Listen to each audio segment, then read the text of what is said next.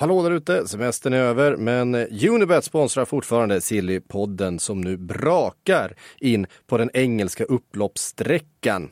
Lo Celso har ju ryktats till Tottenham hela sommaren men eh, ska det bli någon affär där så börjar ju tiden bli knapp. Ändå är oddsen på att han ansluter till Spurs superlåga på 1,10 samtidigt som oddsen för att han stannar landar på intressanta 4,5 gånger pengarna.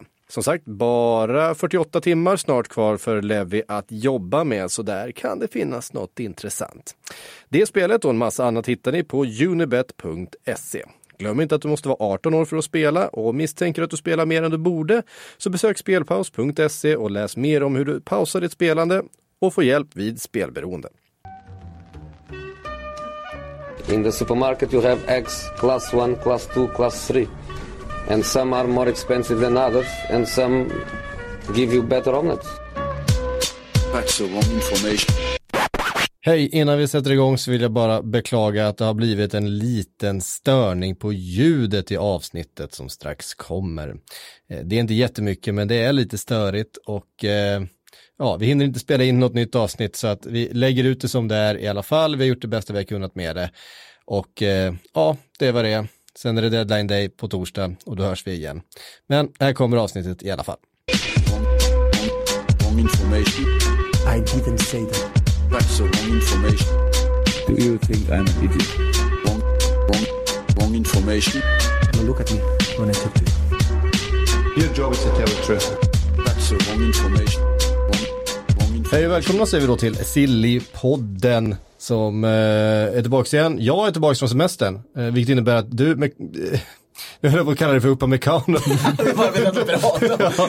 Det hade varit nytt smeknamn ja, eh, Makoto, jag höll på att säga det igen. Jag är tillbaka på andra sidan bordet. Ibra, välkommen tillbaka in i studion. Tack. Det är första gången du och jag sitter här Ja, tillsammans. det ser jag fram emot. Jag har följt er framfart under semestern här från altanen. Det har varit eh, utmärkt eh, levererat hela sommaren.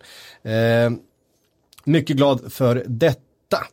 Eh, en som inte haft en så kul sommar, vi kör en, en segway direkt här. Bra, eh, bra. Koscielny, eh, som eh, har spjärnat emot och gnällt och inte känt sig eh, alls nöjd med sin situation i Arsenal. Nu har han äntligen då fått lämna, hamnat i Bordeaux. Jag vill inte presentera den men, Nej, men jag tänkte väl den är inte bekräftad helt. den är inte bekräftad än, men David Ornstein har skrivit om den, eller Ornstein ska man säga, och då brukar det ju stämma. Ja. Eh, när det gäller Arsenal.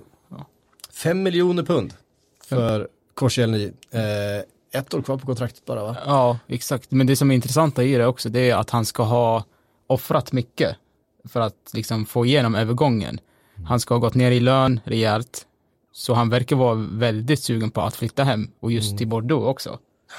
Han ska ju vara missnöjd eh, överlag med hur det har blivit sen eh, Wenger lämnade och Emery kom in. Ehm, eh, faktiskt, så det, det Det snackades lite om hans, när han drog den här korsbandsskadan in, en månad innan VM och hur hans eh, behandlades under Unai Emery. Och då snackades lite om att ja, de två kom inte överens, han fick inte det förtroendet han, eller inte förtroende, det är svårt att få förtroende när man är skadad och så, men att han inte fick det där snacket, han är lagkapten ändå, en ikon på det sättet i klubben, men de har inte kommit överens uppenbarligen och det är det som är orsaken. Och, och det som har hänt då är att ett Arsenal som ju verkligen behövde få in nya mittbackar istället blir av med kanske den bästa de har.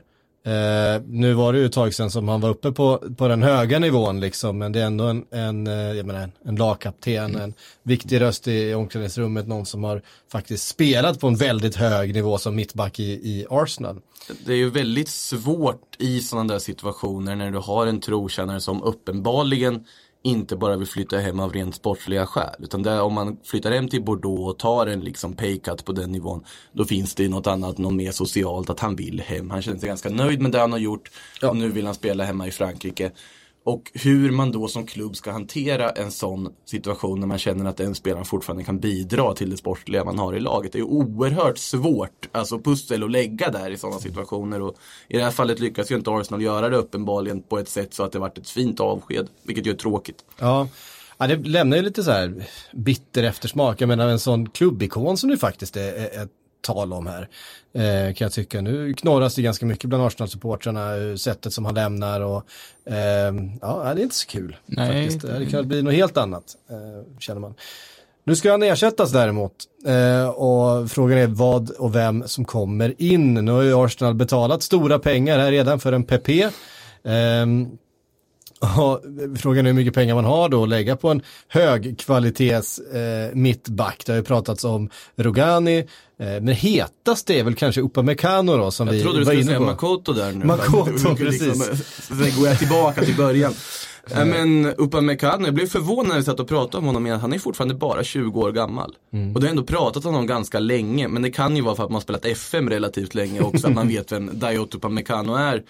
Men det är ju en jätteintressant förstärkning om man skulle ta in honom. Sen är frågan, är han redo att gå in och axla liksom en ledarroll i ett- ett försvar? Mitt- Mittback som ska värva ska ju vara någon som kan gå in och axla någon form av ledarroll. roll. Precis. Kom rykten idag om att eh, Leipzig ska ha fått in ett bud, bud på Pomano som de har eh, tackat nej till. Leipzig är inte den lättaste klubben att, att förhandla med och köpa spelare av, ska eh, man vara klar över. Det är ganska svårt eh, att få loss, man får betala ganska mycket pengar. Och framförallt en 20-årig mittback och när ett lag som Arsenal med, med uppen desperation i blicken kommer dit, då blir det ju en premium på det.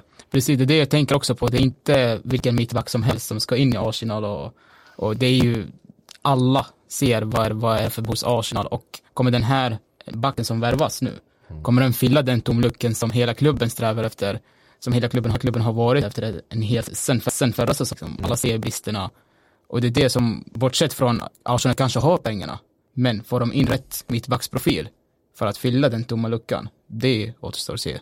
Mm. Ehm, det finns också rykten om att Upamecano har en utköpsklausul på 100 miljoner euro. Eh, det kommer ju Arsenal inte kunna betala. Eh, så är det ju bara. Ehm, Nej, då får det bli väldigt mycket avbetalningar för att gå ihop med den där budgeten man redan lagt på Nicolas Pepe och sprängt banken på. Så det, man får nog förhandla väldigt väl med en klubb som dessutom ju har alla de dessa, vad heter det, energidryckspengar också. Det är inte som i behov av att liksom få in stora summor pengar direkt i det här projektet. Nej, precis. Alltså Leipzig sitter ju verkligen med alla eh, S i hand, på hand här. Eh, och det, det är en svår förhandling, men samtidigt, de måste ju få in en mittback. De måste ju få in en mittback Arsenal. Annars, så- annars kan det ju liksom till och med halka utanför topp 6 liksom om det eh, så tunt som det ser ut just nu. Det har pratats om Rob Holding, hur, mycket, hur, hur bra han skulle hålla. Det finns en Callum Chambers. Jag vill säga att det finns en Mustafi, folk kommer bli galna när man säger det. Men jag minns ju fortfarande på något sätt Valencia Mustafi, en bra Mustafi. Jag tror, men problemet är att han kanske är helt körd i Arsenal i alla fall. Nu, här och nu. Han är helt körd. Han är helt körd. ja, ja, Callum Chambers kan du inte heller nämna i Nej, i kanske, kanske inte, men det, det finns ändå alltså, mittbackar och ja, men såklart det måste komma in någon. Problemet Arsenal har haft är att de har ju, när det ligger en Kostas Manolas, jag har varit inne på det tidigare under sommaren, när han fanns tillgänglig att man inte slog till. Ja, det, Eh, det, det är ju ett svårt läge man sitter i nu för nu vet ju alla som sagt desperationen hos Arsenal. De måste få in en mittback och när Samtidigt så kräver Bournemouth var det 75 miljoner pund för en Nathan Ake när Leicester frågar. Så det verkar inte som att det liksom Och James Tarkovsky vill jag inte vad han skulle kosta heller om vi pratar ett annat alternativ som skulle kunna gå in. Det jag läste idag, det är faktiskt att Carl Jengisson fortfarande spelar i Arsenal. Ja. Ja. Det, det hade jag förträngt någonstans. Det, Ja, men det, det, är verkligen så. Men Rob Holding eh, hade, def, han visade definitivt kvalitet under förra säsongen. Eh, Sokratis är, en, Sokratis ja såklart, det är ju är, ju, är, är, ju, är ju första valet på mittbacken. Det är klart, de har två stycken mittbackar som, eh, som håller. Det, det tycker jag, men det räcker ju inte. Det räcker ju inte över en hel säsong. Eh, sen håller de topp fyra liksom om de, om de ska ta den där Champions League-platsen eller inte. Det är jag lite tveksam kring, om de liksom håller måttet för det. ja, Offensivt gör de ju definitivt det. Eh, Ja, men jo, absolut.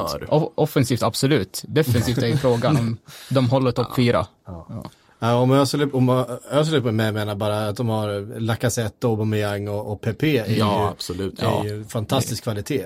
Eh, Och Torre- Torreira Ceballos mittfältet också på det liksom som Mm. jag tror på pappret är otroligt spännande ut. Och får vi se med Guendo Si som också avlastning men lite mer defensivt kanske Mm. lagd.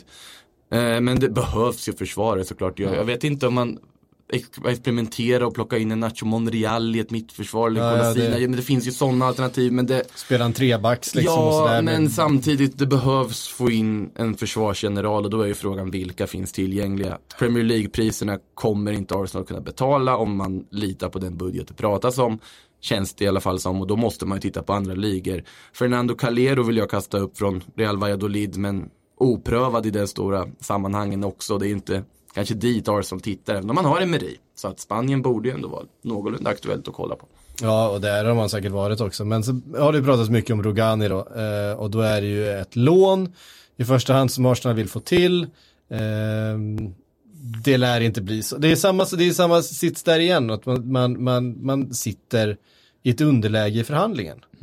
Eh, Fast Rogani vill ju ändå Juventus bli av med tror jag. För han känns som att han ändå liksom eh, förbrukat sina aktier lite där i den klubben. Och han lite måste ju gå surplus. någonstans för att utvecklas vidare. För han spåddes en extremt lysande framtid. En gång i tiden. Jag vet inte vilken nivå Rogani håller idag. Jag vet inte om han är en försvarare som skulle gå in och markant förbättra Arsenal-defensiven. Men det känns ju som ett namn. Ja men de behöver ju att ha en riktig mittback som Ja. inte är Mustafi liksom. Att, att, slänga, Precis, att, att precis. slänga in eh, när det behövs. som kommer in och dominerar liksom luftrummet och allt. Rugani, absolut, men det som du säger precis, Arsenal har ju två dagar på sig nu och försöka lösa en mittback.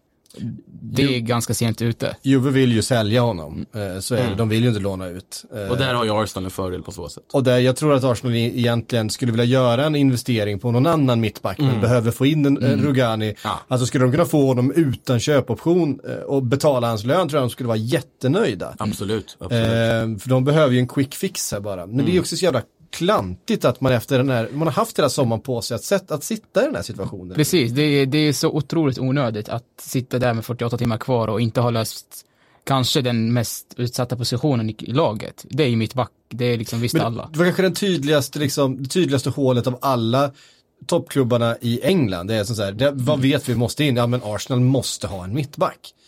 Det var, så, det var så su- supertydligt. Va? Jag är inte dugg förvånad att vi ändå sitter där. Alltså Det blir ju alltid så Det här. blir ju alltid så här på ett eller annat sätt. Så att jag är inte förvånad att vi sitter där vi sitter just nu när det kommer till Arsenal och någon mittback kommer ju komma in. Frågan är ju vem det blir och hur mycket man betalar och hur panikartat man betalar det. Ja, exakt.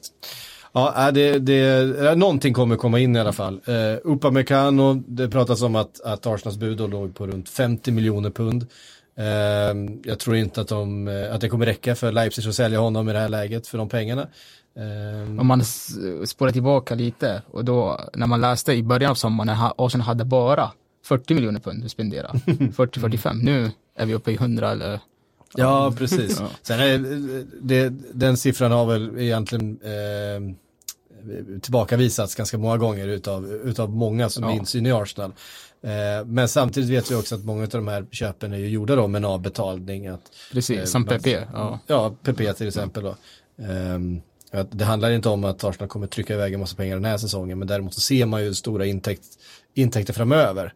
Eh, Swiss Ramble som gör väldigt mycket sådana ekonomiska granskningar av fotbollen gjorde en fantastisk eh, granskning av Arsenals ekonomi som visade just hur, hur svag ekonomi eh, de har för, för tillfället.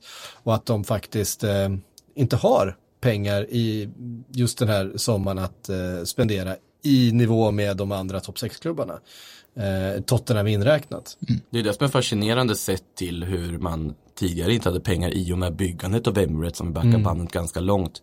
För då var det ju snarare, det byggdes ju med tanken att ungefär där vi är idag så skulle det finnas väldigt stora summor att kunna investera i spelare och så vidare. Att det skulle bygga ekonomin på sikt. Nu känns det ju som att det inte riktigt gjort det. De kalkylerade kanske inte med att tv-pengarna skulle sticka iväg som de gjorde, vilket ju har gjort matchday revenue till en mycket mindre post på eh, liksom själva, på, på hela budget, budgetkartan. Ehm, så de har väl fortfarande högst matchday revenue tror jag i, i världen. Eh, Arsenal det har de väl haft eh, de senaste säsongerna. Möjligtvis som typ Real Madrid eller Barca. Barca eller Bayern München eller någon har gått, gått om sådär, men de ligger ju där uppe i topp. Jättehöga biljetter, jättefin arena fortfarande, även om den faktiskt börjar bli lite, lite till åren. Lite till åren börjar Emirates bli. Det var, tiden går fort. Tiden, tiden går fort. 13 år nu. Det är 13 år nu. Ja, Ja. Det 2006. är 13 år. 2006. Men nu måste vi byta ämne känner jag för nu får jag panik.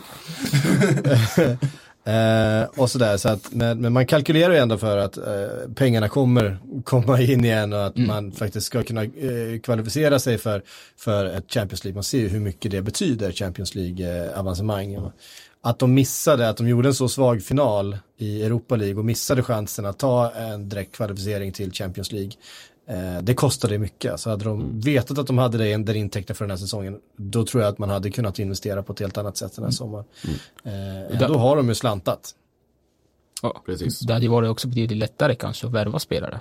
Alltså, Ja, det ju med att det blir. Champions League-spel och... Självfallet. Ja. Det är bara att titta på, på Manchester United. Jag menar, vad många som skriker, varför köper de inte Delicht, varför köper de inte Delicht, vilket hade varit ett, det mest naturliga köpet någonsin. Ja, han vill ju vinna Champions League, gärna nästa eller näst nästa år. Eh, vilka klubbar har möjlighet att göra det? Antagligen inte Manchester United. Nej. I alla fall inte den säsongen som kommer nu. Förmodligen inte säsongen efter heller. Det kommer ta ett antal år innan, innan United är uppbyggt på den nivån igen. Utan det är, då handlar det ju om Juventus, det handlar om Real Madrid, det handlar om Barcelona. Eh, där Manchester City Manchester och City, Liverpool. Eh, Bayern München. Alltså det, det kanske är de klubbarna just nu som, som har eh, Största chans att vinna. Ja.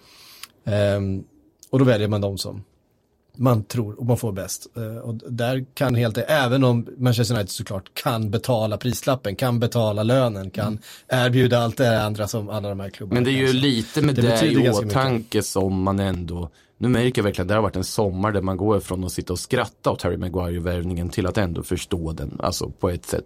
För Ja, alltså, ja det finns bättre mittbackar för billigare pris, men i det här läget United sitter så tänker man, okej, kosta vad det kostar vill, det här är spelaren vi kan få, som vill till oss, som vi vet kommer att en, ge en uppgradering på en position vi verkligen måste uppgradera och man betalar, ja, där det kostar helt enkelt. Mm. Så att det finns ändå en logik i den även om folk liksom reagerar väldigt starkt Jo, men det är på klart den. att det, är- finns, det finns en, en väldigt Ja. tydlig logik Absolut. i den. Och, och alltså Harry Maguire är en bra mittback. Det är inget, han är inte dålig på något sätt. Det som är, eh, blir roligt är ju när, när man liksom omnämns som världens dyraste mittback och han uppenbarligen inte är världens bästa mittback. Eh, så är det ju. Men jag menar, bara nivåskillnaden från att ha eh, Chris Smalling eller Phil Jones där bredvid Vigge och att ha Harry Maguire där istället. De förbättrar ju sitt lag så avsevärt mycket genom att ha honom. ja. Det, det ska man ju titta på också. Eh, vad fanns det för alternativ att, att förbättra laget eh, lika dramatiskt? Nej, men det fanns det kanske inte så många. Och det kanske det mest intressanta just i Maguire-fallet, det är verkligen, det känns som det, att Ole Gunnar Solskjaer, liksom, han tror ju verkligen på Maguire och han tror verkligen att han kommer passa in i hur United ska spela nästa säsong. Det är, det är det som kanske mest, eh, eller som slags utropstecken på det. Att han tror verkligen på Harry Maguire. Men så är det ju, alltså titta på Liverpools framgång. Alltså där är ju också van Dijk och så vidare. Det, det var ju otroliga överpriser man betalade sett till kvaliteten på spelaren på Ja, förhand. på förhand. Men man tänker, okej, vad är det för typ av spelare vi vill ha? Vad är det för hål vi ska fylla? Mm. Okej, Vir- Virgil van Dijk är spelaren vi vill ha. Det kostar vad det kostar vill. Och det har man ju sett på Manchester City också. Hur de agerar att när de pinpointar en spelare de känner att det här passar för vårt spel. Då får det kosta vad det vill lite. Och man ska komma ihåg att Pep Guardiola ville också ha Harry Maguire. Eh, och han är rätt bra på fotboll. Och, och, och se, se kvaliteter i spelare och så vidare. Jag menar, Han är förmodligen världens mest hyllade eh, tränare av en anledning. Eh, så att, eh, så det var också en liten passning till att vi hade inte råd på slut. Det var ju också Han var, han var tvungen att få in det. Ja. Det är roligt. Ja, det är små, små digs. Hoppas att han blir lite bättre än Alexis Sanchez i United. För att City ryktade. Vill också ha Alexis Sanchez. City ville visserligen ha Alexis Sanchez också. Jag tror i och för sig att om Alexis Sanchez hade gått till City så hade han Det- gjort en jävla bra succé. Det tror jag Han garanterat. har gjort det ganska Det- bra i City tror jag också. Vinna skytteligan. Ja, precis. Han var ju rätt bra i, i Copa America i somras till exempel. Ja. Det, Det är fortfarande Han bra kan ju fotboll. fortfarande spela fotboll. ja. Ja. Ehm, däremot, vi, han är ju heller inte den första att bli fullständigt decimerad av José Mourinho och att sen att det tar en stund och vi har sett en Eden Hazard liksom spela som en juniorspelare eh, under Mourinho när liksom det mentala inte funkar i den relationen liksom. Så att det, eh, han är inte den första att inte Nej, det är ganska många. Han är inte den första att ha stagnerat i United om jag säger så. Heller. Heller, nej, nej. Nej. så är det. Ehm, City som sagt, de hade tydligen inte råd att köpa eh, Harry Maguire, däremot så har man råd att köpa Cancelo från, eh, från Juventus. Alltså, det ska vara där måste nu. jag bara lägga in, vad håller Juventus på med? Alltså allvarligt talat, Danilo är, vet jag som följt Real Madrid ganska väl, vilken otrolig säkerhetsrisk den försvarsspelaren är. Han vet inte vad positionsspel är för någonting. Han syns inte på egen planhalva när motståndarlaget anfaller. Eh, nu överdriver jag lite väl, men att Juventus i det här läget man sitter känner att ja men vi tar 30 miljoner plus Danilo för Cancelo. Måste vara att Cancelo också har vissa defensiva brister men är en otroligt mycket bättre högerback än vad Danilo är. Och känner att men det, lös, det, det blir bra. Och det som är Behöver United, eller Juventus de här pengarna? Ja, och behöver City Cancelo? Man har ju Kyle Walker. Exakt, det är det jag, jag tänker också på det. Alltså, Kyle Walker är bra. Jag tycker han är Ja. bra, duger liksom helt. Men Cancelo, alltså baserat på vad jag fått hö- läsa från Juventus på Twitter och, och så, så är han en bra spelare. Alltså, han har ju haft en bra säsong förra säsongen. Cancelo är en jätte, Ja. jättefin Ja, ja. högerback. Eh, Men City, alltså lite orimligt i hjärnan att jag får inte ihop det Alltså, riktigt. jag fattar inte, för jag känner ju att de mer, ja, det, det är om de har tänkt att, att han ska spela vänsterback då. För att där är ju Sinchenko nu som Mm. framförallt spelar vänsterback. Och där har det funnits en möjlighet, ja visst, eh, M- Mendy är väl ja. klar, men alltså han var ju bedrövlig förra säsongen och jag har varit väldigt, väldigt skadad liksom. Där ska ju tilläggas att Danilo användes ju som vänsterback. Och Danilo har ju framförallt, del. Ja. framförallt spelat vänsterback i, Och, i det, City. och jag tror att det här är ju ändå också, det är Pep Guardiola som ser, okej, vad är det vi behöver åtgärda den här sommaren? Det första han såg var, okej, Fernandinho är otroligt viktig för oss, men han börjar faktiskt komma till åren. Vi behöver någon som kan rotera med honom, axla hans mantel och redan nu gå in och liksom fungera i vårt spel. Han får Rodri för en fantastisk, liksom, för utköpsklausul, en av de bästa värvningar vi har sett den här sommaren. Sen känner han, okej, jag tycker att ytterbackspositionen är svag. Vi kanske vill rotera Kyle Walker för att kunna hantera alla olika turneringar vi är med i. Någon som även kan spela till vänster och har den här offensiva kvaliteten för att fungera i det här spelet som Manchester City spelar. Ja men det finns en eh, Cancelo. Och när man får det här dealen, som det ändå är tycker jag, så såklart man slår till. Men frågan är, City, de spelar ju tre backar ibland. Med Walker som Ja, det har ju varit i vissa matcher. någon så- gång, så- så- inte inte så sista mycket. Nej. Nej, det är framförallt i landslaget har ju, har ju Kyle Walker spelat till höger i en trebackslinje. Ehm, så han, han kan ju göra det också, det har ju- har han gjort väldigt bra. I, I City så har det ju varit en fyrbackslinje där han spelat till höger, Till höger. I, i, i första hand. Ehm, och han, han, grejen med Kyle Walker är att han har en sån otrolig spets i sin snabbhet.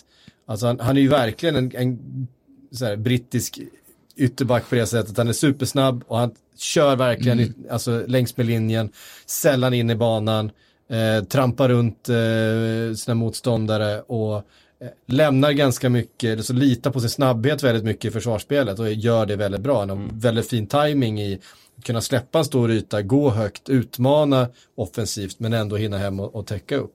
Så han lever väldigt mycket på sin fysik och på sin... Men en ytterback i city ska ju också kunna gå in, inte bara liksom ligga och slicka kanten. Utan Nej. ska ju kunna gå in och börja liksom agera som någon sorts extra mittfältare. Och det här har vi sett väldigt ofta i Guardiolas city. Och Cancelo känns ju logiskt sett en perfekt typ för att kunna liksom med snabbheten som han har, Ja. med tekniken, skottet, liksom spelsinnet. Tycker det är en supervärvning på alla sätt. Ja men det är det som har varit så intressant för att eh, Guardiola har ju ofta spelat lite asymmetriskt så att man har Kyle Walker på ena sidan som kör stenhårt upp och ner längs med kanten på högersidan men på vänster har man spelat med det som Fabian Delf som ju är en central mittfältare egentligen som, ba- som verkligen kliver in eh, och blir en del och spelar trianglar upp att man har spelat på olika sätt på, på sidorna.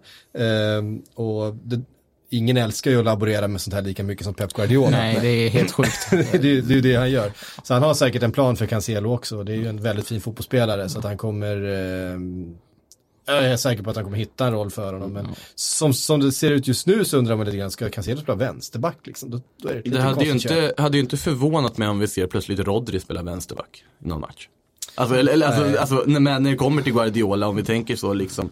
Det är Så gillar han ju Sinchenko, eh, Pep Guardiola. Ja. Så jag tror att Sinchenko faktiskt är tänkt att, att eh, spela väldigt mycket den här säsongen. Ja, han är väl given nästan, alltså Ja. i startelvan, känns det som. Men problemet City har det är ju att alltså, de har erövrat England. Det får man ändå säga. De har vunnit Premier League-titeln flera år i rad nu. Och de, de har ju vunnit allt som går att vinna på hemmaplan. Det som är det stora målet, det som de saknar, det är ju framgången i Champions League. Och för att nå, det låter klichéartat, men för att nå framgång i alla turneringar så behöver du en väldigt bred trupp. Guardiola har dessutom en väldigt bred alltså, skattkista att jobba med. Han ser att okej, om vi har Cancelo och Kyle Walker som vi kan rotera på en högerback, det, det är ganska bra uppsättning. Så alltså, De gör ju ett superfönster hittills. Ja. Inget att snacka om. Och, och jag menar, det är inte så att de inte haft två bra spelare på samma position tidigare i den Nej. klubben och att det har fungerat. Eh, nu får vi väl se vad som händer med Sané då. Men det är också så här, man kan ju inte ha en Leroy Sané och sätta honom på bänken. Jo, det kan man göra om man är Manchester City. Eh, ja, man kan inte ha en Bernardo Silva och sätta honom på bänken. Och- det gick alldeles utmärkt hela första säsongen. Eh, Ja. och jag menar Riyad Mahrez, är en bänkspelare i Manchester City, hade inte varit någon annanstans. Eh, och så vidare. Gündogan är en bänkspelare, alltså så här, det är ju Det är en fantastisk trupp de har. det, Ja, det, det är, det är ju helt Alltså- sjukt. De har ju världsklass på, alltså gånger position. två på alla positioner. Så att eh, de löser nog det här också. Ja. Kanske inte på mittbackarna just nu då. Eh, sen kompani lämnade och Ska, det- ja, ska väl in någon där också kanske. Men frågan är vem det skulle vara återigen. City har väl dock lite mer attraktionskraft än vad kanske Arsenal har i det här sammanhanget. Ryktades inte Otamendi tillbaka till Valencia? Jo, precis. Otamendi kommer ju från en så här sedvanligt svajig landslagsinsats med Argentina. Eh, nu vet jag inte vad Valencia skulle med Otamendi till i dagsläget. Så att deras mittbacks eh, alltså uppsättning tycker jag ändå ser ganska bra ut. Som det, man kan väl diskutera, Garay kommer till åren och så vidare. Gabriel Paulista kan man Paulista, säkerhetsrisk ibland. Men Diakaby är ju liksom otrolig utvecklingspotential på. Eh, Men det skulle inte förvåna mig om City plockar en mittback men det känns ju som att de kanske skulle gjort det tidigare i fönstret för de har ingen anledning att liksom börja stressa nu på deadline riktigt. ja, eh, det var City det. Eh, nu kommer vi då till det som verkligen är dagens stora snackis i sociala medier. Det rör Christian Eriksen, det rör eh, Manchester United eh, och det rör Bruno Fernandes. Eh, och det finns då förslag kring att eventuellt då Christian Eriksen ansluter till Manchester United och Bruno Fernandes istället ansluter till Tottenham. Vad säger ni om den här lilla minikarusellen? Då antar jag att om Christian Eriksen går till United, det är ju ändå i ESPN som jag läste för två timmar sedan. De är ganska trovärdiga. Då, om han går till United, då kommer ju med stor sannolikhet Pogba lämna United. För att jag kan inte se Pogba Eriksen i samma, i samma startelva. Det, ja, det, får, det blir förbli obalanserat om man säger Var så. inte det Real Madrid skulle ha enligt alla i början av sommaren? Ja, Bo, ja, jag har väldigt svårt att se båda. ja, jag har också svårt att se båda men det, men eh, Ja, alltså, det är, alltså i så fall skulle, skulle man ju tvinga Eriksen att bli en box-to-box mer än vad han är nu ju. vilket jag ändå tror att han skulle kunna hantera. Eh, det tror jag också. Han jobbar rätt hårt och, och en, en duktig bollvinnare, men jag tror att, att Solskär vill ha Eriksen i sådana fall som en nummer 10. Alltså en poängfot eh, som ska kunna leverera till Martial, till, till Rashford och, och så vidare. Eh, en, en, bara liksom, lite som Özil i, i, i, i Arsenal liksom. Jag, jag gillar ju Eriksen, alltså, jag, har, jag har intalat mig själv att han är en, en av världens smartaste fotbollsspelare. Alltså verkligen. Så, men som sagt, kommer han till United då är det Pogba som försvinner med stor sannolikhet. Alltså. Ja, för att alltså med tanke på det United som Solskjaer verkar bygga som ska vara ett hårt arbetande kollektivt lag som liksom verkligen svettas för, för matchtröjan. För det känns ju som att det är det han försöker bygga. Så känns det ju som att, ja Eriksen, då är han ju längre fram precis som du säger Patrik. Eh, sen tror jag ändå att han vill nog ha liksom grovjobbande spelare på i princip alla positioner och såklart, då kommer ju inte Pogba vara kvar om Eriksen kommer. Så känns det ju som i alla fall. Nej. Nej, det är min känsla också. Eh, någonstans ska, eh, ska alla ta vägen och, och alltså, Pogba vill ju inte vara kvar. Nej. det är Nej, bara nej. så. Ehm, Det är bara att han kostar för mycket. kan- Alltså, ja, men han kostar rimliga- mycket och, och eh, han är svår att ersätta och det är, liksom det, det, är en, det är en svår affär att genomföra överhuvudtaget för alla. Eh, United måste ju känna att de på något sätt går vinnande ur det också.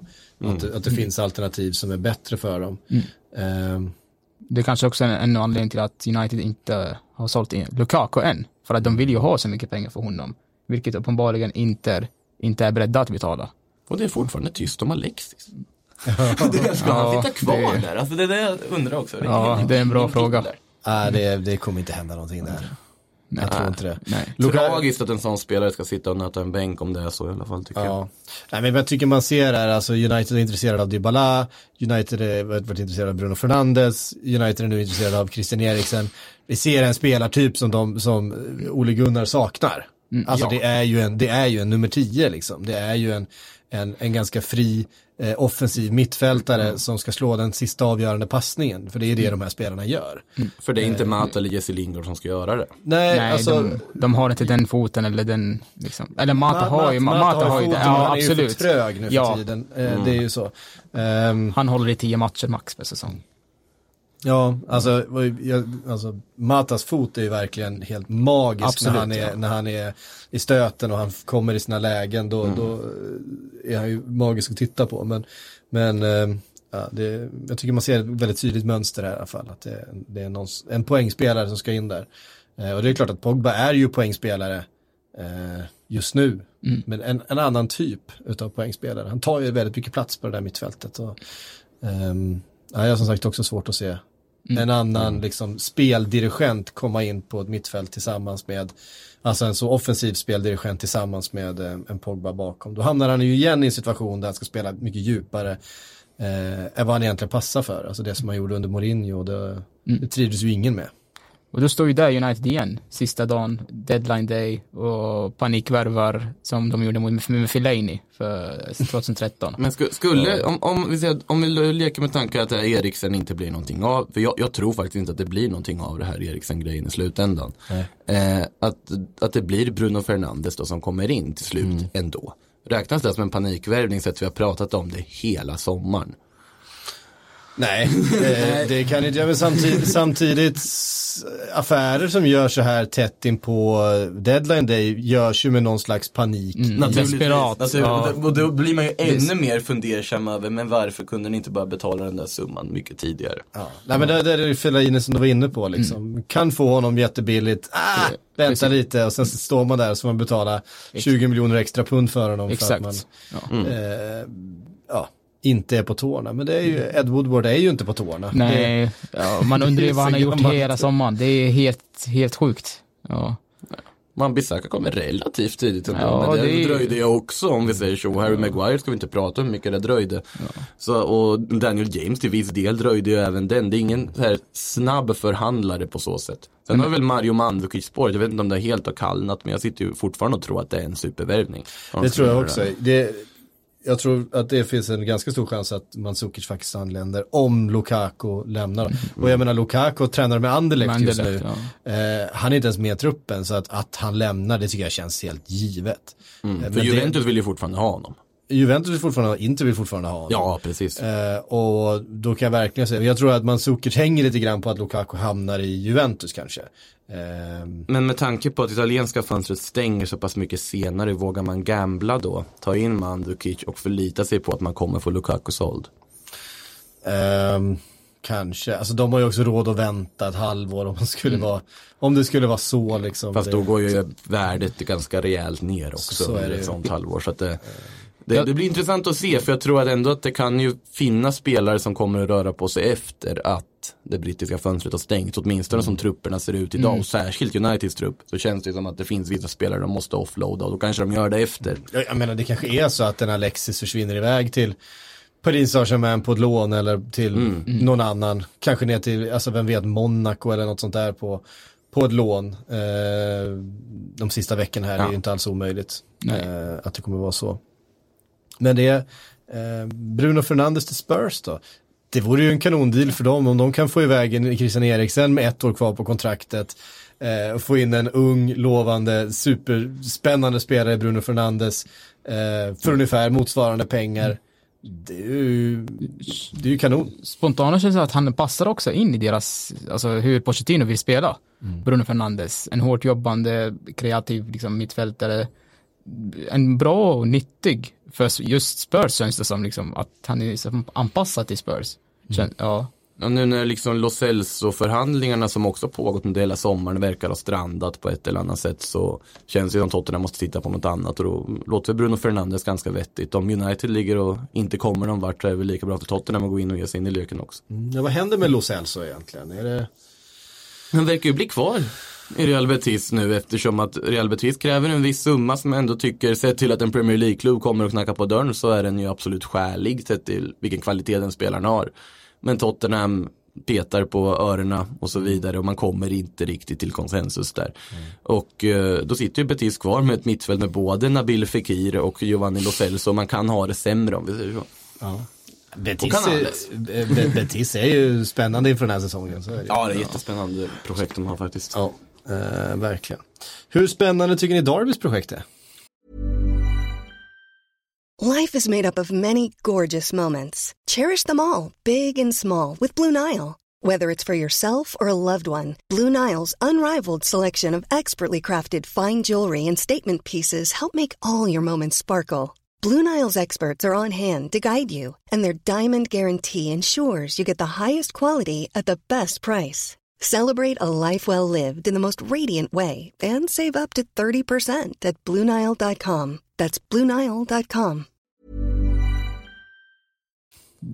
Ganska spännande nu. Senaste, senaste dygnet. Senaste fall. dygnet, Ja. Wayne Rooney. Ja, Eh, Ja, vill hem till England igen, eller väl Collin som vill hem för om vi ska uppfostra barnen. Det kanske inte Wayne är så in- involverad i, jag vet inte.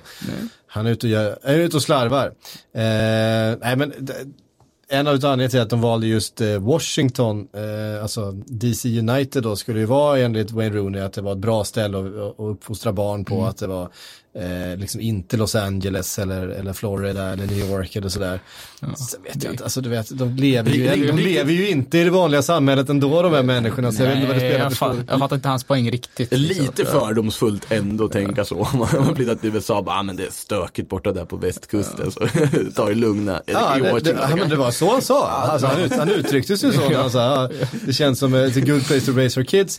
Nu verkar det ju inte som du är lika bra ändå som hemma i England, eh, känslan och att, att de faktiskt, familjen vill flytta hem igen. Eh, alltså, Washington är en ganska tråkig stad, är det inte det?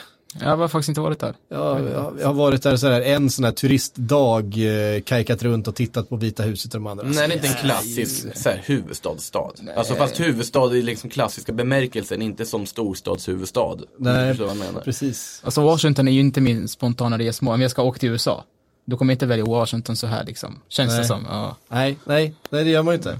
Eh, även om jag varit där och turistat. Så, så eh, jag vet inte. Det, det är precis, alltså, de lever ju ändå inte med oss andra. Nej. Så vad fan spelar det De- för roll? De, de, de liksom- ja.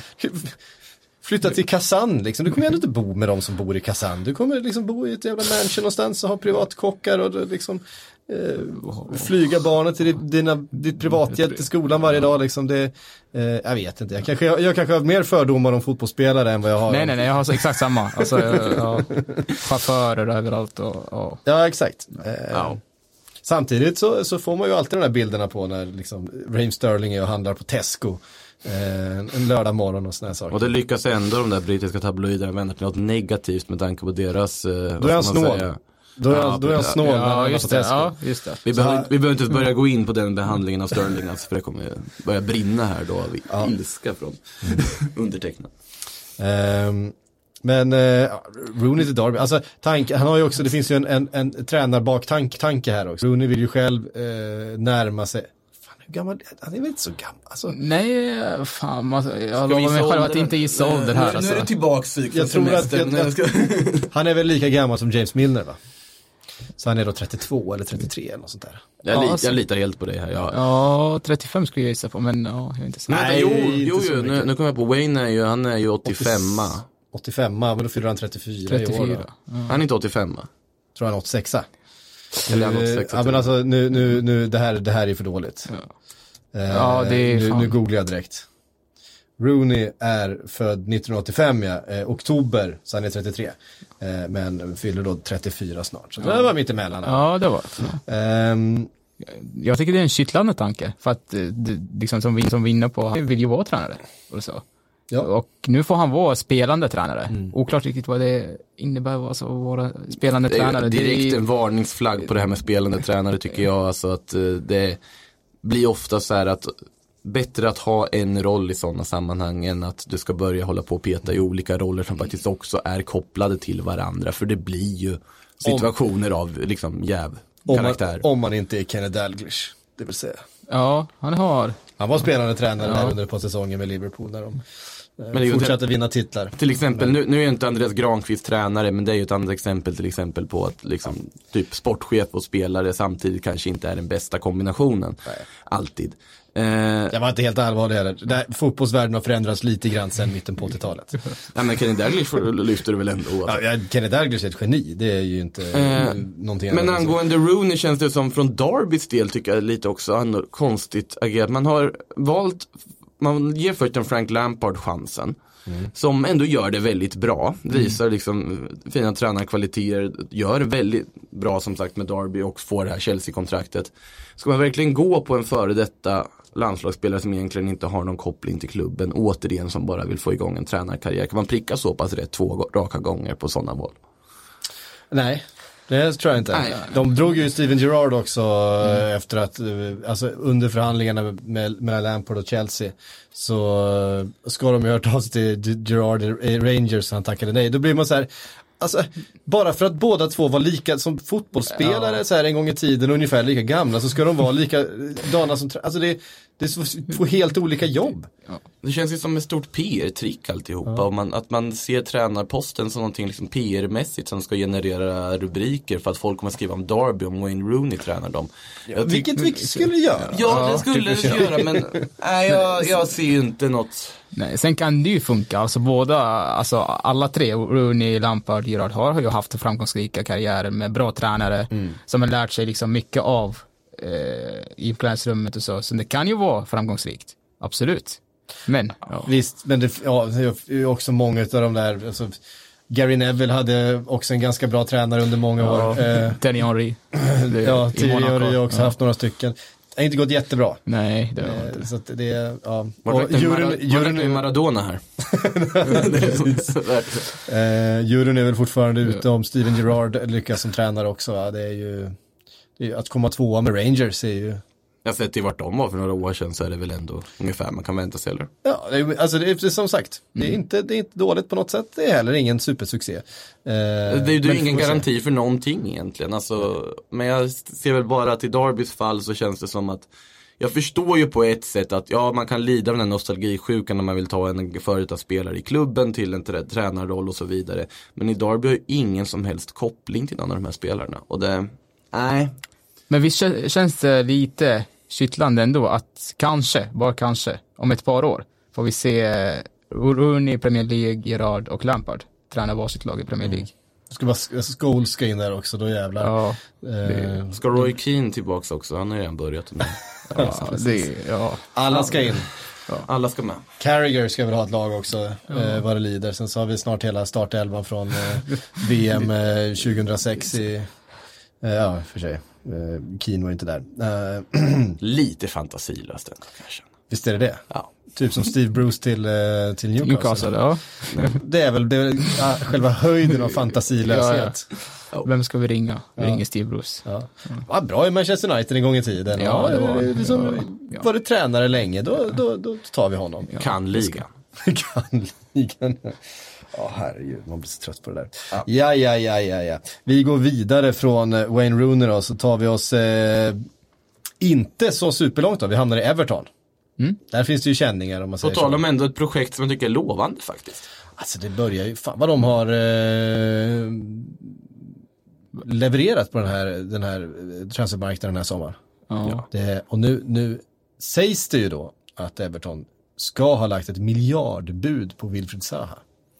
Men det var väl kombinerat med två spelare, att de skulle kasta Cenk Tosun och McCarthy åt andra hållet också väl. Så är det, det ingår det där, men det är ändå liksom, eh, Det, Och då undrar man ju hur, vad var det, 60 miljoner plus de två. Ja. Så då värderar man alltså Cenk Tosun och McCarthy till en sammanlagd summa av 40 miljoner. Ja det är ju, det är ju ganska, siffror, hög, det är en ja. ganska hög värdering. ja, verkligen. Cenk Tosun är en bra forward, jag tror fortfarande att han kan uträtta saker i Everton, men ja det är väl lite väl hög värdering kanske va? Ja. Men Everton känns alltid spännande två dagar innan säsong, eller tre dagar innan säsong. Nej, men- Sen i oktober, då... Då, har- då har bubblan spräckts. Exakt, ja. Fast de har ändå någonting på gång. Jag har varit inne på det tidigare i sommar också. Vi har ju suttit och sågat Everton tidigare såklart och skrattat gott åt deras panikvärvningar. Men det är ju en annan sportlig ledning där nu. Det finns en annan tanke med hur man värvar spelare och så vidare. Annan klokhet. Alltså Moise Keane för det priset man får. Den är- värvningen hade Everton aldrig gjort tidigare. Nej. Utan man hade tänkt, jaha okej, ja, men vi värvar istället typ, inget fel på Harry Wilson, men Mm. typ värva honom för uh, Förutom att han spelar i Liverpool. Och Men nu, vänta, nu menar jag inte Harry, jag menar den andra Wilson. Som är helt Callum Wilson. Ja, Callum precis, det var han. Bournemouth, ja. Ja, för, Ja, typ, verkligen. Det är, det är för, väldigt för mycket. typ dubbla priset. Det hade Väldigt varit väldigt mycket. mycket mer Everton att göra. Inte att det är något fel på honom, men du Exakt. förstår vad jag menar. Man tittar inte så långt. Nej. Nu har man en helt annat sätt att arbeta på vad det verkar. Jag tror ändå att vi ska inte skratta bort Everton än. Fabian Delf däremot, det är ju en klassisk eh, Everton-värvning. Man, man, man, man, man, plock- man plockar, jo men man plockar en engelsk spelare från ett, ett av stor, som inte riktigt får plats i, de, i, i storlagen. Det är, du Ja, vet, men det, man det är Gareth Barry all over. Ja liksom. men man gör det för ett jätteskäligt pris och det är fortfarande en så pass Ja, ja, mångsidig absolut. spelare så jag tycker ändå att det är en väldigt bra värvning. Ja, jag tycker också det är en bra värvning. Det var Gareth Barry med. Wayne Rooney var väl sådär, men det, det är liksom, det är ju det är, ju- det är en klassisk Everton annars. Ett kännetecken, ja. Ja, ehm, men Wilfried Zaha, om de skulle lösa den här affären, ehm, då börjar de se bra ut. Ja, absolut. och det är det, då kommer vi till den frågan, kommer de kunna slå sig in i topp 6 alltså? Och verkligen vara med på allvar om Europaplatserna? Alltså om Arsenal inte löser en mittback och Everton löser den här affären, då vet det fan fall. Eh, då, då, då, då kommer de få jobba om det eh, i alla fall. Eh, Arsenal. För att eh, det, då, det finns uppenbara brister där eh, som skulle kunna kosta väldigt många poäng. Samtidigt som Everton kommer, om de, med all den här kvaliteten, om de får igång det, alltså det är ju så mycket som ska falla rätt, men då kommer de ta rätt många poäng. Alltså de kommer bli riktigt svåra att slå. Alltså en sån spelare som Wilfried Zaha med all den rutin han har, och, alltså han kan de här spelarna, han kan den här ligan. Eh, det är nog en lagom nivå för honom också. Han har ju varit i United en vända, visst han var väldigt ung då, misslyckats. Ehm, jag ser, jag, jag är ju väldigt förtjust i Wilfried Zaha, det har jag varit inne på många gånger. Visst att han kanske gör lite för få poäng med tanke på hur mycket, mycket han skapar och hur många anfall han skapar och hur mycket chanser eh, som uppstår runt omkring honom. Men han kan ju, han kan ju, alltså en mot en är det ju i stort sett ingen. Det var ju Eden Hazard eh, som inte är kvar i ligan som kunde liksom mäta sig en mot en med eh, Wilfried Zaha. Annars är det ju ingen. Det är är liksom Mohamed Salah kanske. Eh, Nej men om, om ekonomin finns för att göra det så är det väl en supervärvning av Everton på alla sätt och vis. Ja, så är det det naturligtvis. Så det är också Absolut. ett styrkebesked av dem. Och visa att okej, vi är faktiskt med och slåss. Det, nu handlar det inte om en topp 6 som man ska försöka bryta sig in i. Nu är vi också med och slåss här liksom. Jag vill ju också och någonstans måste de ju göra det. Alltså de kan ju inte ligga Ja, men kvar och såklart. komma sjua varje Nej, år exakt. för all framtid. Någonstans så måste ju, måste ju, nu har man väl också fått ett eh, godkänt på ny arena tror jag. Det ska byggas, eh, var ju inte så svårt som det brukar vara eftersom eh, borgmästaren i Liverpool då är Everton-supporter. Eh, Det finns ingen bitterhet eh, i, eh, i, i detta. det var att de- viktigt att lägga in i alla fall. att, att, de, att de fick den, den fina dealen eh, med staden där och den fina, ja ja, eh, skitsamma. Men kommer de ha större arena än vad ni har då? Hemska tanke. 53 000. Fanfield har väl inte Var det så- 53 000? Ja, jag tror det. Jag skrev om det för två veckor sedan. Ja, ja, men då är, då är Anfield. Då är Anfield, är mindre. Nej, Är det inte? Eh, inte sen utbyggnaden. Ah, okej. Eh, tror jag inte, för är det 55 Ja, vi tar nu. Jag minns faktiskt inte hur, många, hur mycket Anfield tar nu. där, där, där kan jag faktiskt tycka att om Everton ska bygga en ny arena då ska de bara av liksom rena principskäl lägga till en eller eh, tusen platser mer än vad Anfield Det är väl har. som stadshuset här i Stockholm va? Är inte det så här eh, 50 centimeter högre än stadshuset i Köpenhamn? Ja, men det, det, men, Jag gör för mig att det finns en sån eh, symbolik. Jag älskar sån pettiness liksom i det här rivalsammanhang. Jag tycker det är helt underbart. Ja, eh, nej men eh, Everton de har, de har eh, tunga investerare i, i ryggen och en, eh, en tränare som i alla fall offensivt vet hur man ställer upp ett fotbollslag. Sen ska han göra det defensivt också men nu har man ju Som får tid att göra någonting nu. Det ska bli faktiskt jätteintressant att se dem. Och det varningens finger också för liksom Wolverhampton. Hur de har röstat här nu också. Inte tappat någonting av de här fina spelarna som fanns i den klubben förra säsongen. Fått in förstärkningar från Cutrone för ett jättebra pris. Den Donker. Det, det, det händer intressanta saker i de här lagen bakom topp 6. West Ham tycker jag också har ett jätteintressant projekt. Vilket man Verkligen. också säger varje år. Eh, Men alltså, eh, de ser ju riktigt, riktigt fina ut nu. Ehm, och jag menar, vi ska komma ihåg att Filippa Andersson och sen att Lanzini nu är tillbaks från sin skada. Ehm, Fornals, Haller, två kvalitetsvärvningar som verkligen. vä- även de större klubbarna borde skulle kunna titta på. Alltså Filippa Andersson och Lanzini med det de tar till en fotbollsplan med en Haller där fram som med allt det han kan. Precis. de blir livsfarliga alltså. Det, måste vara, det är en ganska konstig situation när du har en så pass liksom utmejslad topp 6 i en liga som har de här Europaplatserna varje år att det krävs något liksom anmärkningsvärt för att slå sig in. Eller att någon av lagen ovanför är anmärkningsvärt dåliga. Och det är en intressant situation man jobbar i liksom som klubb där. Att, Hur hade ett sånt där Everton klarat sig i Bundesliga till exempel? Eh, eller ett West Ham? Ja, det, klassiska De- frågan. Ja, Jag tror de hade klarat sig bra. Alltså med det, med det truppen de har idag och så. det, alltså, se- sett till en truppinvestering så är det, så är det dyrare, dyrare startelvor än vad eh, alla utanför liksom så här topp 2-3 i de övriga la, eh, ligorna kan, eh, kan mönstra, så är det ju. Ehm, mm. Du var inne på Harry Wilson och Bournemouth innan. Eh, Ja, lite ofrivilligt. Callum menar jag. Ja, exakt. Men Harry Wilson från Liverpool på väg till Bournemouth. Jaha, den är sjuk ändå. Ja, den är lite sjuk. Eh, Det pratas om ett lån där. Ehm, var utlånad till eh, just Derby förra. Ehm, Gjorde det där drömmålet mot United i ligacupen. Exakt. I höstas. han gjorde några riktigt fina... Frisparksmål. Ja, en otrolig vänsterfot. Ehm, men är liksom en högerytter som, som gillar att gå inåt då med sin, eh, med sin vänsterfot. Och, eller, han är väl offensiv spelare överlag, har spelat på flera offensiva positioner men framförallt gillar att utgå från höger. Eh, 22 år gammal, det var ju många som ville ge honom chansen i Liverpool, många Liverpool-supportrar, men han, han kommer få för lite speltid. Eh, det är ju trots allt så att, jag menar, det är på, han är ju på Mohamed Salahs position och när Salah är borta så är det ju Mané eller Shakiri som kliver in. Alltså det, det, det Och du har ju Origi också dessutom. Det finns ju mycket, de har ju bra täckt på den positionen vad det känns. Det pratas om, ska man få in en ytter till och så vidare. Men det känns ju inte som man riktigt behöver det nu när Origi stannar och Shakiri är kvar och så vidare. Nej, det är ju Och sen så. är det Brewster som nu vill ha lite speltid också. Och Brewster vill man ju ge speltid, eh, som dessutom ju är, är eh, fyra år yngre än Harry Wilson. Och sen har vi Har- Harvey Elliott som är tre år yngre än, än Brewster. Så. Ja, det, när, när, när, du, när du rabblar upp liksom åldern och namnen på de här spelarna så känns det helt plötsligt att Liverpool har så otroligt spännande framtid. Alltså Ja, framför alltså- sig. Alltså, Harvey unga- är jag så jäkla sugen på. Alltså det är helt otroligt. Precis fyllt 16 år. Eh, och är köpt för att vara en del utav, utav eh, seniorlaget. Liksom. Eh, och och här, den där väl, totalt respektlösa typen. In första liksom, träningsmatchen, in bara utmana, kör rakt in i liksom eh, Lyon var det de mötte då i, i straffområdet, bara in och utmana backarna, liksom kriga, vinna, komma till avslut, våga ta avslut själv och så vidare. du ska se, han är på ett lån hos Preston North End inom ett år ändå. Alltså antagligen, Han- killen är född 03 så att ja, det, är helt, det, ja, det kanske var ganska bra. Eh, Men det är helt absurt. Alltså Wilson till Bournemouth låter ju, för, för mig låter det främst spännande för att jag får ännu mer anledning att blanda ihop Harry och Callum Wilson i ett anfall. Men eh, det låter väl logiskt att Liverpool ska försöka göra sig av med honom på ett eller annat sätt. Ja. Och sen eh, hoppas på ganska fin utveckling och kunna sälja för en bra summa sen till en annan klubb. Samma sak med Ryan Kent som har varit en sån där spelare under flera år nu som har legat precis utanför. Det har blivit ett lån, de har kommit tillbaka försäsong, utvärdera. Mm, ja, det räcker inte riktigt, riktigt dit.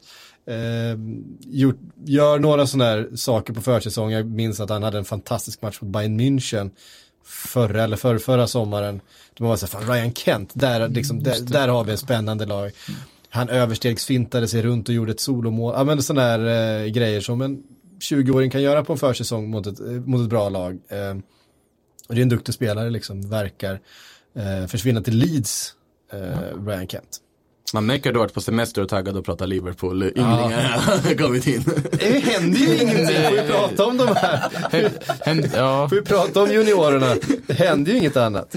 Eh, jo, en sak händer. Mignolet har tackat för sig efter många år. Eh, Adrian kom in på free transfer. Eh, Mignolet Jättefint lämnas brev Adrian skickat till den här gärdsgårdsklubben i Spanien som han var och tränade med här nu efter att kontraktet gick ut. På ett mm. vykort faktiskt. Som han hade skrivit till dem. Och skänkte även träningsutrustning till det här laget. då. Så den verkar vara en ganska liksom fin person utanför planen som har kommit till Liverpool här och ska hantera den andra rollen. Han ersätter en väldigt fin person. Eh, Mignolet som ju liksom har fått ta väldigt mycket skit under åren i, i Liverpool. Inte för att han egentligen är dålig utan bara för att han inte är världsklass. Ehm, Så- Såg ni videon han la upp som farväl, när han tar farväl Liverpool? Mignolet. Det var jättefint, Ja, tyckte jag. han, är, han har varit en otrolig liksom, lagspelare. Det, för han är ju alltid den första, eh, när Alisson kom in och började leverera och Simon Mignolet var den första ut på sociala medier och liksom hur, hur glad han är för liksom, Alissons skull och hur snabbt han har liksom, anpassat sig till spelet i laget. Och, eh, han har varit en väldigt, väldigt liksom, sådär, uppskattad eh, lagkamrat. Får jag vara lite cynisk här? Mm. Alltså det är ju ganska smart av en andra målvakt att gå ut och tokhylla första målvakten av rent liksom PR-skäl. För Mm. Han gjorde ju inte det när Karius kom in. Men han sa ju själv också att det var lättare för honom att vara andra målvakt till en Alisson Becker än till en Karius. Han själv, han själv märkte att det Precis. var kvalitetsskillnad. Han märkte att här kom en av världens bästa målvakter in. Det märkte han inte Där när Karius inte- kom in. ja, och där, där- och där där kommer var ju det inte bara- vara ditt anseende som andra målvakt. Du framstår fortfarande, kan ju fortfarande vara en väldigt bra målvakt även om andra målvakt är Alisson. Ja. Eh, och hem till Belgien. Och så vidare. Det, det känns bra. Bra steg.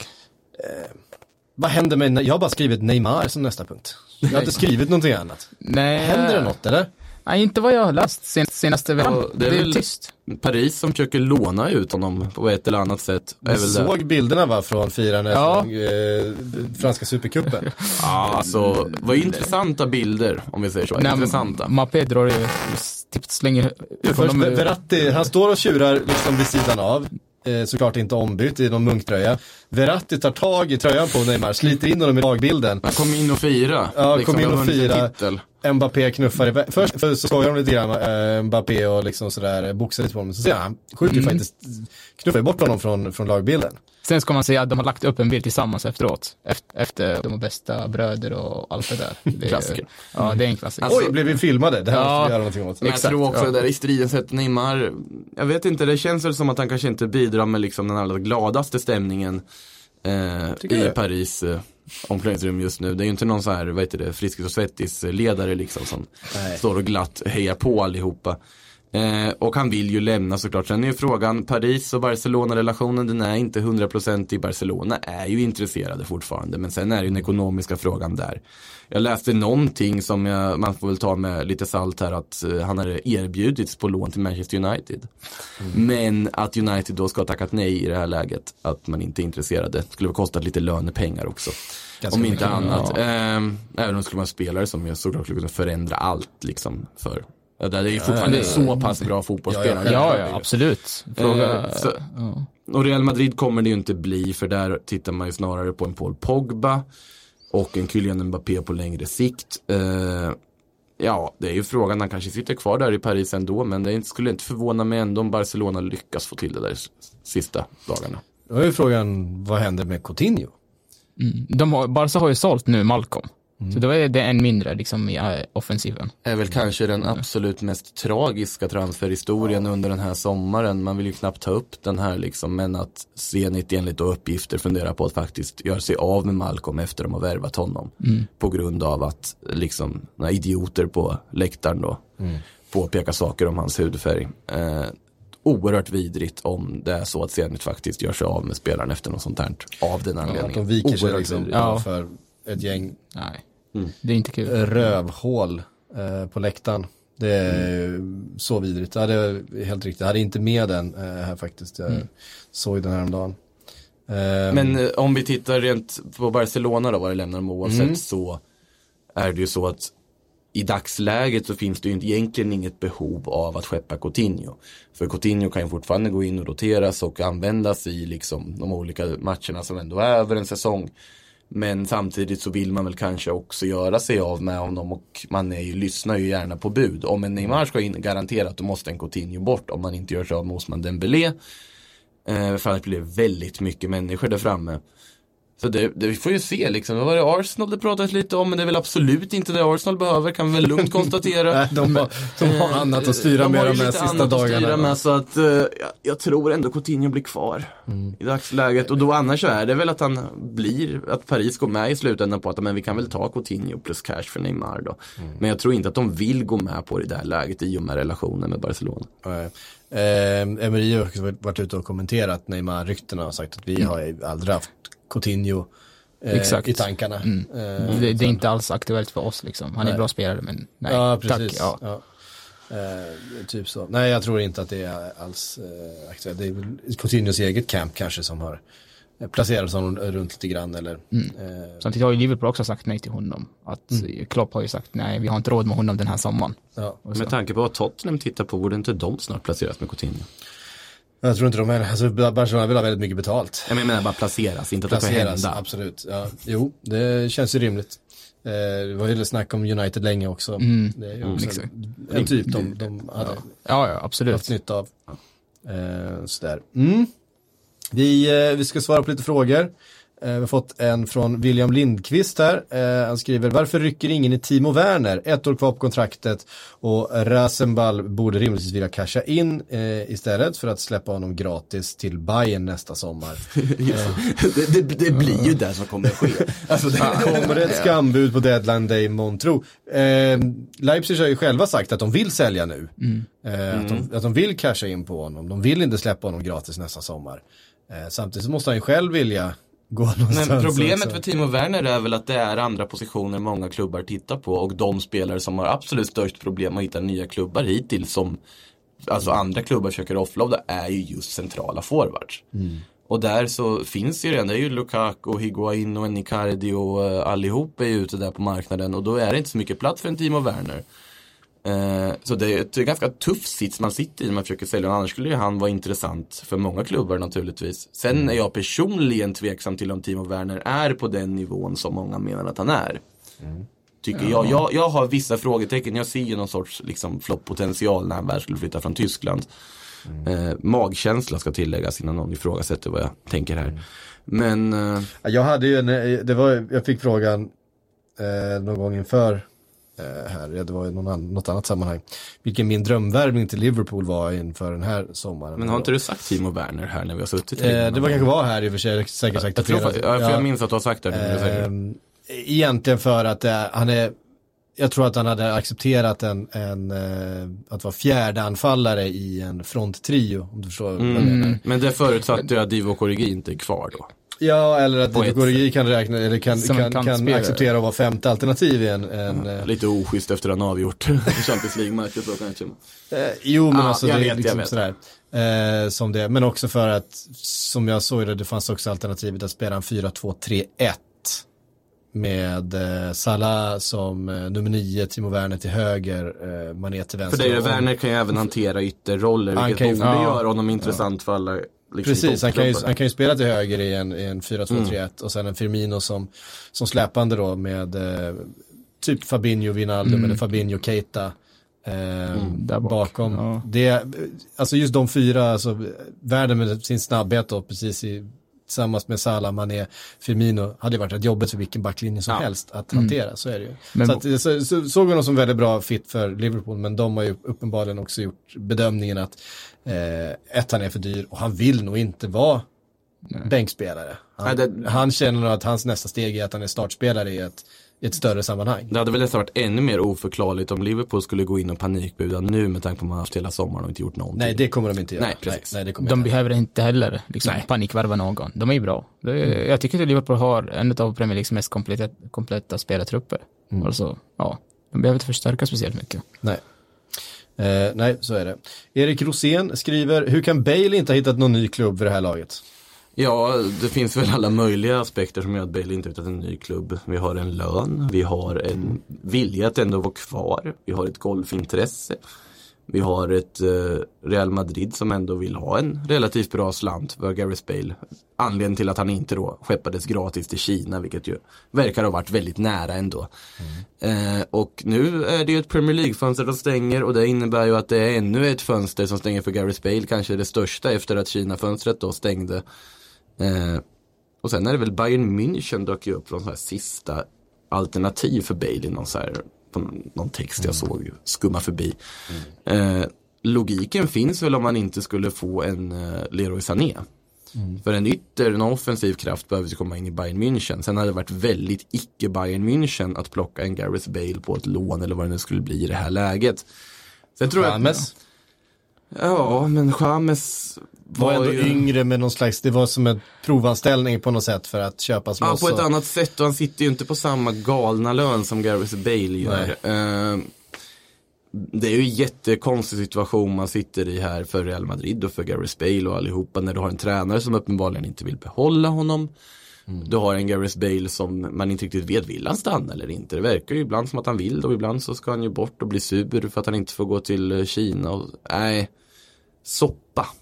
Ren, ren och skär soppa är vad det är. Och eh, jag, nej, jag vet inte vad jag ska säga mer. Jag har sagt att ja, han stannar, ja men han går. De har sagt olika under hela sommaren. Men jag vet inte ärligt talat. Frågan är hur sugna Bayern München är att få till en till skadebenägen ytter. Liksom, de har ju Komen som är där som spelar tio Men matcher per De har ju säsong. haft Robben och Ribéry och gänget liksom. Så att de, de är väl vana vid det. Ja, det är för... Men alltså ja, Bayern, det, det är ju sådär, var skulle han annars hamna Ja. då? Ja, Inter hade ju varit igenom typ den där kinesiska klubben på något vänster och den dörren verkar ju relativt stängd. Ja. Eh, det skulle vara om Juventus får något ryck då, för de verkar ju kunna få för sig precis vad som helst nu under de här sista månaderna av fönstret. Så att, men det, För Bale och, Bale och Cristiano är ju ja absolut. oerhört kompatibla. Eh, Vad är de? Ja, är de det fortfarande? Är de, är de Ja, bästa de, kompisar? nej, men de hade väl inga problem med Nej, det varandra? hade de väl inte. Det var väl Kanske- det var Ronaldo som... Cristiano så det var hans, hans, hans eh, ego blev väl lite, fick blev väl lite tilltufsat där när Bale kom. Det kanske var mest det. Bale hade ingenting med Ronaldo, men Ronaldo hade någonting Nej med men Bale. BBC-trion kommer väl jättefint överens. Den gjorde ganska bra ifrån sig också. Får jag säga. Det får man säga. Eh, verkligen. Anton Pettersson skriver, vad händer med Ben Chilwell? Skulle han till City eller hur blir det? Ja, där var ju en vänsterback då, som eh, kändes väldigt Pep Guardiola. Eh, Det vart ju oerhört tyst om honom. Ja, sen hände ingenting. Jag tror helt enkelt att eh, Leicester är så här, nej vi kan, vi säljer Maguire men vi kan inte också sälja Chilwell. Jag tror det är det som har hänt där, att de har helt enkelt eh, bara sagt nej. Man skulle aldrig kunna få lika mycket pengar i det läget så på något sätt som man kan förbättra truppen anmärkningsvärt efter att Chilwell lämnar. Nu har du ju Maguire pengarna att jobba lite med även om Ja, de, ersättaren vill kosta lika mycket men eh, Chilwell pratades ju om till Atletico också. Som jagar vänsterback men de har väl tagit sin oprövade britt genom att ta Trippier istället. Alltså för La Liga oprövade menar jag naturligtvis. Så att jag tror inte de tar in en britt till på andra kanten och nu tog de ju redan Lodi från Brasilien istället som jag tror kommer få en viktig roll direkt. Så vi får se, Chilwell stannar väl kanske en säsong till och sen om man gör det bra återigen så borde han ju vara aktuell för en flytt. vad heter han, Firpo? Junior Firpo Ja. till Barca. Eh, är han klar eller? Ja han är helt klar. Han är helt klar ja. Eh, Jag missade den, jag undrar vad som Jag hände personligen känner jag att Firpo är, alltså det finns ju otroliga frågetecken kring hans defensiv. Och det är även när han spelar i en fembackslinje i, eh, i Betis, då med en treback bakom så vart det ändå tom på sin vänsterkant. Det kan ju viss del ha att göra med att mittbackarna inte gör det de ska också. Men eh, i Bar- Barca behövde en vänsterback, det var inget att snacka om för att kunna avlasta Jordi Alba. Firpo får de en ung, liksom spansk spelare som absolut kan göra det, men jag har väl vissa frågetecken för hur han skulle hantera en fyrbackslinje. Eh, Hur, hur ligger Jor- Jordi Alba rent defensivt? Alba är enligt mig världens bästa vänsterback så att, Ja. alltså, jag tycker det är liksom utan tvekan. Jag sitter där och tänker Andy Men man hatar, Robertson. dem, man hatar dem lite grann för att han Ja är... naturligtvis, Ja, han, är, han, är, han är ju ett svin höll jag på att säga, så han är ju inte, han är, han ju vinnarskalle, men problemet är att han är ju fruktansvärt bra också. Fruktansvärt snabb. Och nu när Marcello har bestämt sig för att sluta försvara igen, vilket- han försvarade ju faktiskt några år där. Han tänkte på defensiven och var bra där. Men nu när han har slutat göra det igen så Jordi Alba är för mig världens bästa vänsterback. Ehm, ja, Ben Chilwell är ju kanske någon som skulle kunna aspirera på den om en eh, fem sex år om han fortsätter utvecklas som eh, han har gjort. Han har ju varit eh, en av Premier Leagues bästa vänsterbackar eh, förra säsongen. Var ju riktigt bra. Han är ju en del av ett Leicester som också ser väldigt spännande Ja. ut nu. Eh, Det är bra byggen alltså. Ja. Man, men, man undrar ju ändå hur de här gängen, hur de skulle hantera en liksom tuff bortamatch mot El Sadar mot Osasuna. Man sitter ju och funderar på det. Eh, det gör man faktiskt. Det, det, han är ju viktig i det bygget, det unga Leicester ju med, med Madison, med Chilwell och med eh, Thielemans som nu har köpt loss och, och så vidare. Det finns väldigt mycket, väldigt mycket spännande där. Eh, Jag tror att eh, Leicester kommer vara bra i år. Eh, Det är många som kommer vara bra. det känns att topp top 10 kommer liksom, faktiskt jag håller med, det är många spännande, alltså det, det är svårt, eller det är inte lika givet, du tippar topp 6 liksom, absolut, de topp 4 eller topp 3 är ju givna och så, men sen där under liksom, det känns inte lika givet Nej. som förra säsongen. Ett jobbigt läge för typ Newcastle att plockat in en Steve Bruce ändå. Ja, men alltså med så mycket lag framför som gör det så pass bra så är det inte så många lag kvar till slut och då sitter man där i en bottenstrid. Ja, ja, det, Newcastle ryker, det är ju inget snack. Alltså alla är så övertygade om det. Fan vad han kommer överraska, känns det så. Ja, men, Alltså, nej, men på pappret, alltså. Ja, de kanske ligger tok sist efter ett x antal omgångar och Bruce får kicken. Men jag tror att alla är förvånansvärt övertygade om att Newcastle bara ska åka ur. Jag tycker ändå truppmässigt liksom. Det finns mycket sämre lag i ligan. Alltså Nej. pappret. Du tycker inte det? Ah, inte mycket. Ja, men Sheffield, de jämför till exempel. Ja, jag, jag, är jag, dömda till att jag, åka jag, rakt ner. jag tror att Sheffield åker, kommer sist, jag tror att Newcastle kommer näst sist. Norwich.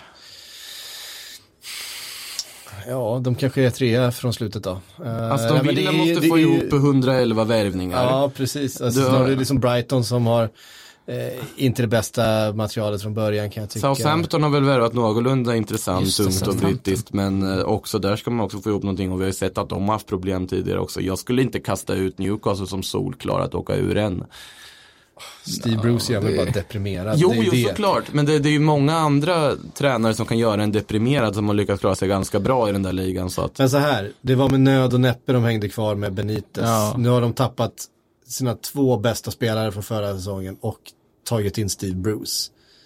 men de har tagit in en Joel Linton, de har en Almiron som får börja spela från liksom, säsongstart. Det är, Det- Inte, det är inget fel på mittbackpar med Lasells och Kjär direkt. Det är, det är ett bra mittbackspar. Ja. De är kvar. Men långtidsskadad va? Ja, det kanske, Eh, ja. Ja, jag, jag vet inte, jag, jag, blir jag blir deprimerad utan Jag, vill bara slänga Jag- in ett ljus borta i den här Ja, tunneln. jag Man ska inte kasta bort Newcastle än, tror jag. Nej. Nej, det ska man kanske inte göra. Man ska inte underskatta någon. Nej. Fan, till och med Cardiff vann fotbollsmatcher förra året. Ehm, Det är ju ett under i och för sig. Men, Det, ja. ja, det, är- det är bra jobbat av dem. Ja. Fan, de vann ju fan borta mot United. Så, det gjorde omgången. alla ett tag där. Ja, det gjorde Det var de. lika Det lätt är- att slå som att slå Real Madrid på hemma eller bortaplan också förra säsongen. Det lyckas ju alla lag göra också. Otroligt bra avslut nu på, ja. Ja, så var det. Vet ni vad? Nu har klockan sprungit ifrån oss. Det var allt vi hann den här tisdagen. På torsdag är det deadline day för eh, det engelska fönstret. Vi kommer sända live. Eh, vi börjar någon gång runt eh, tre på eftermiddagen tror jag. Fönstret stänger ju alltså klockan sex. Sen så kommer vi ha lite så här, lite after, after deadline. Från sex och framåt ett par timmar. Kalla- Afterski, typ. Ja, precis, som en afterski. Ehm, after transferfönster.